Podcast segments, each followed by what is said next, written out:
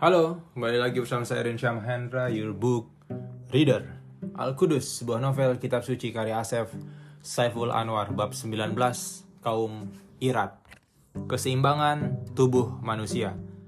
Demi jiwa yang tumbuh dalam setiap tubuh, sesungguhnya bagian-bagian tubuh manusia adalah catatan, tempat kami menilai kebaikan dan keburukan. Segala yang masuk dalam matamu, kami lihat dan catat setiap yang masuk ke dalam telingamu, kami dengar dan catat. Ke mana langkahmu digerakkan, kami saksikan dan catat. Apa yang kamu sentuh dan ambil, kami perhatikan dan catat. Setiap kata yang keluar dari mulutmu, kami dengar dan catat. Dan apa yang masih dalam dada dan kepalamu, hanyalah kami dengar dan saksikan tanpa mencatatnya. Tubuhmu adalah duniamu, keduanya semu dan sementara.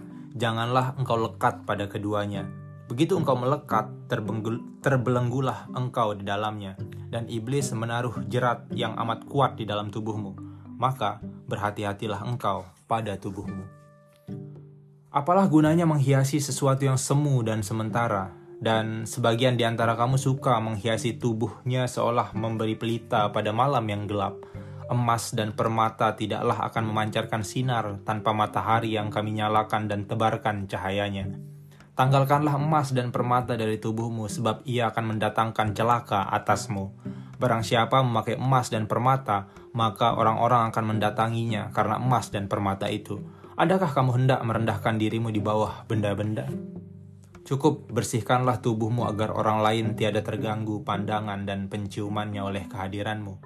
Tuturkanlah perkataan yang baik kepada sesamamu agar telinga orang di sekitarmu tiada memerah Pandanglah mata mereka dengan sepenuh hatimu ketika bercakap-cakap.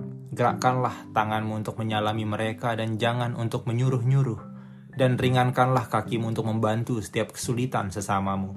Sungguh, bila beban sesamamu itu amat berat sementara engkau berniat meringankannya, maka akan kami tambah kekuatan tubuhmu agar kamu mampu mengangkat beban itu. Pada setiap niat hendak berbuat baik, niscaya kami mudahkan jalan untuk mewujudkannya. Jagalah matamu dari sesuatu yang bisa menyempitkan pikiranmu. Jagalah telingamu dari perkataan yang bisa memburamkan hatimu. Jagalah tanganmu dari sesuatu yang bukan milikmu. Jagalah kakimu dari tempat yang tidak layak kamu masuki. Dan jagalah lidahmu dari sesuatu yang tak perlu kamu katakan. Sesungguhnya tubuhmu banyak digerakkan oleh akalmu, sementara perilakumu dibentuk oleh hatimu. Barang siapa menyeimbangkan keduanya akan senantiasa berada di dalam jalan kebaikan.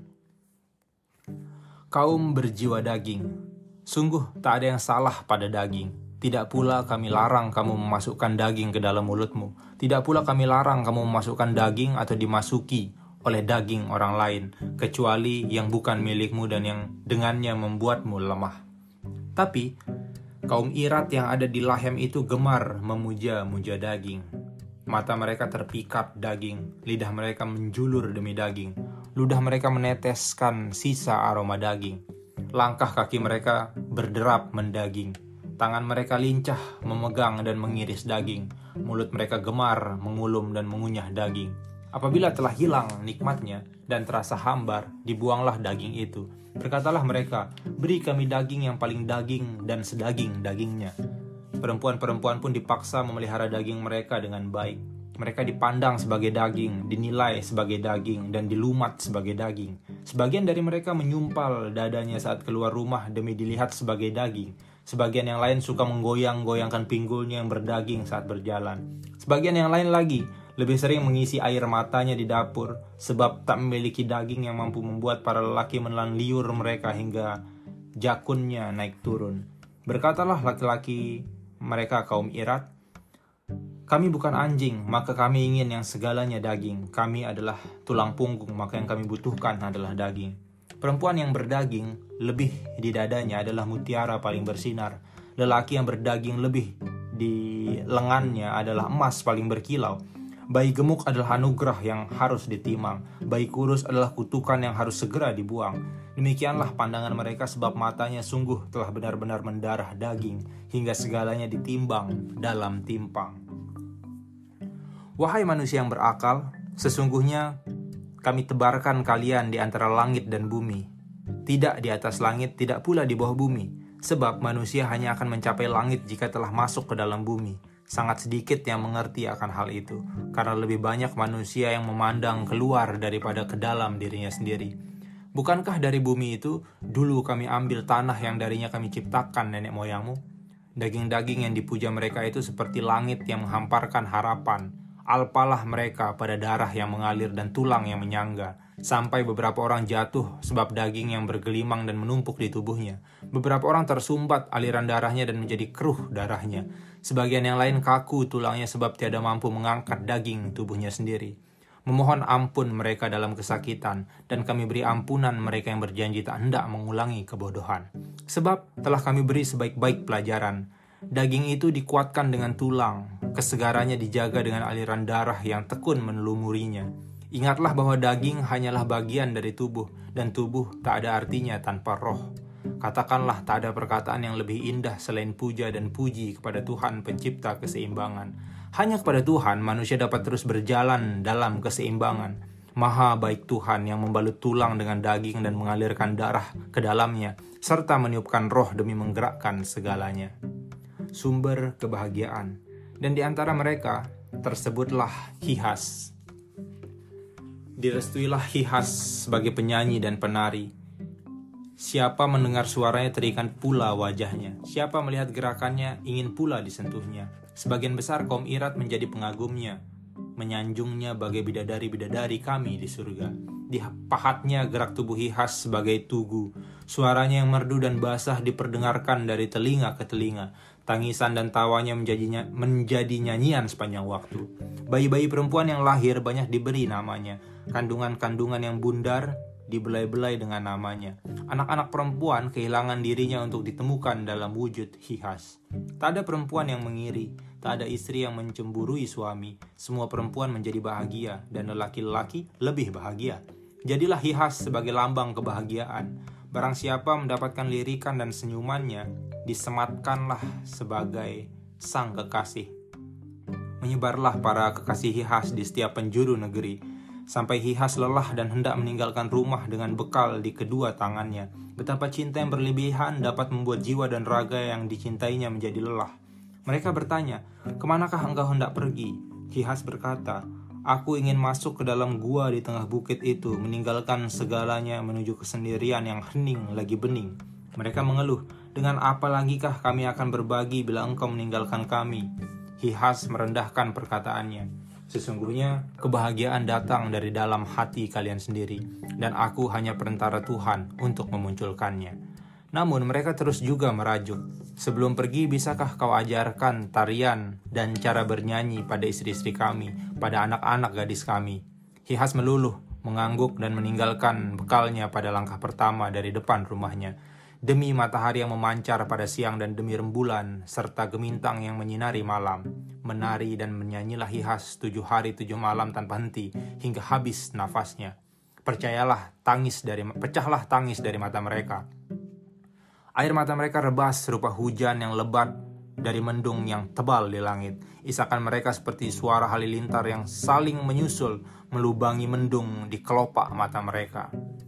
Mereka bergegas mengerubungi dan memandu jisimnya. Berjalan jisim itu dari tangan ke tangan yang berjejal dan direntangkan ke atas, tak dibiarkannya tanah menyentuhnya hingga jisim itu sampai ke dalam gua yang ingin ditinggalinya. Seusai mereka menaburkan bunga dan meninggalkan gua, kami angkat hihas ke atas langit dengan ribuan kepakan. Kami masukkan ia ke dalam surga menjadi bagian dari bidadari-bidadari penghuninya. Kami tempatkan ia di tepi sungai yang tak pernah habis mengalirkan susu dan madu dan anggur. Kaum Irat bersedih penuh lara, berpekan-pekan dilalui tanpa suara. Ratusan perempuan menari tanpa menyanyi dalam mata yang memejam. Gerakan, gerakan mereka layu, diayunkan angin dan dingin. Silsilah erelah dari Baya dan Sikwa yang sampai pada Nabashi maka kami datangkan Baya ke tengah-tengah mereka untuk memberi kabar bahagia mengenai Hihas dan mengajak mereka untuk tidak lagi mengagungkan daging. Sebagai kaum Ir, sebagai kaum Irat, Baya juga keturunan Jinama dan Lisana dari pihak ibunya. Sementara ayahnya adalah Rades, anaknya Ehsom, anaknya Ruhum, anaknya Nabashi, yang pernah mengungsi di tepi selat bagian selatan dan meninggalkan anaknya demi perintah Tuhannya. Baya adalah buyutnya buyut dari buyutmu, Erelah. Ia memperanakkan Jida, yang memperanakkan Miran, yang memperanakkan Kada, yang memperanakkan Nekta, yang memperanakkan Hairut, yang memperanakkan Jabit, yang memperanakkan Armen, yang memperanakkan Taurin, yang memperanakkan Astar, yang memperanakkan Mehrat, yang adalah ayahmu yang mempersunting Someroh, anaknya Hakil, anaknya Wajra, anaknya Neknu, anaknya Tibsah, anaknya Milak. Milak adalah anak yang sejak dalam kandungan ditinggalkan Sikwa pulang ke Wawud. Dengan demikian engkau Erelah adalah anak dari keturunan Baya dan Sikwa yang satu garis sampai pada Nabashi. Dan buyutnya buyut dari buyutmu itu Baya berkata kepada kaumnya, Kesedihan paling buruk adalah melupakan kata-kata. Mereka, kaum Irat, merutuk, kami tak tahu siapa engkau dan tak tahu pula apa maksud perkataanmu. Berkata Baya dengan kesungguhan, Aku adalah utusannya, dan bukankah Hihas telah berkata-kata pada kalian? Mereka bertanya, Hihas tak pernah berkata tentang utusannya. Bagaimana kami bisa mempercayamu sebagai utusan? Baya menjawab sambil menunjuk dan menggerak-gerakkan telapak tangannya. Lihatlah awan di langit itu. Bukankah awan-awan itu bergerak mengikuti perintahku melalui telapak tanganku? Mereka kembali bertanya, dari mana kami tahu awan-awan itu digerakkan olehmu sementara telapak tanganmu tak menyentuhnya? Mulutmu pun tak kami dengar memerintahkannya untuk berarak. Bukankah awan yang bergerak, bergerak adalah hal yang lumrah? Berjalanlah Baya menuju pohon paling besar di lembah itu. Digenggamlah batang pohon itu dengan satu tangan lalu diangkatnya hingga setinggi kepala. Bertanya Baya, apa kalian masih belum percaya? Mereka menjawab, si Hakuat biasa melakukannya. Apakah kami harus percaya kalau si Hakuat sang penebang pohon adalah sang utusan dan apakah salah satu uh, pohon itu hingga apa dan apakah salah pohon itu hingga harus kau mencabutnya demi membuktikan dirimu sebagai utusan? Dengan kedua bola matanya yang bergerak, Baya berkata, "Lihatlah ke bawah pohon ini." Mereka memandang tanah yang berlubang itu penuh dengan emas dan permata yang berkilauan. Mendekatlah mereka kepada lubang itu dan berujar, telah puluhan musim kami mencari, ternyata sang raja menyembunyikannya di bawah pohon besar itu.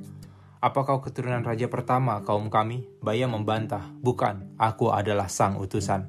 Mereka masih kukuh akan keyakinannya. Ya, kami percaya kau adalah utusan sang raja pertama. Baya kembali membantah. Sesungguhnya aku bukanlah utusan siapa-siapa kecuali utusan Tuhan yang memberikanku perintah agar mengabarkan berita bahagia kepada kalian. Hihas telah dibawa ke langit dan dimasukkan ke dalam surga menjadi bagian dari bidadari-bidadari. Mereka kembali bersedih, karena kematian Hihaslah kami bersedih. Karena kamilah Hihas meninggal dan kami belum kunjung sempurna mempelajari tarian dan cara bernyanyinya, bagaimana kami bisa bahagia? Baya berkata, tarian dan nyanyian hanyalah permukaan. Cinta kalian adalah kedalaman kebahagiaan. Menarilah tanpa mengingat gerak tubuh Hihas Bernyanyilah tanpa mengingat alunan suara hihas. Puluhan perempuan yang telah berpekan-pekan menari itu memejamkan matanya. Mereka menari dan memutar tubuhnya bagai bunga di hempas angin. Mulut mereka menyanyikan syair-syair puji tentangku. Perlahan-lahan, kaki mereka beranjak dari bumi dan terbang ke dalam perasaan yang damai. Sejak itu, para lelaki kaum Irat bahagia dan tak lagi memandang perempuan sebagai daging. Hihas hanyalah daging dan suaranya hanyalah angin.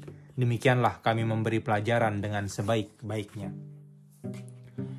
Sekali-kali tak akan datang azab kecuali manusia yang menginginkannya seperti kaum Sadrek yang sebagiannya binasa terkena musibah yang disusun mereka sendiri.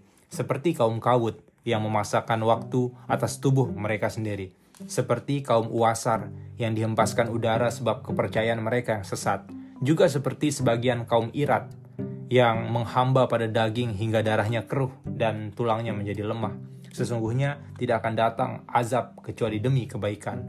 Maka berbuat baiklah dengan sebaik-baiknya dalam keimananmu. Tak akan datang azab kepadamu selama engkau berbuat baik dan senantiasa menjaga keimananmu. Dan barang siapa menjaga imannya, niscaya ia akan menjaga sesamanya. Sekian, see you on next episode. Bye.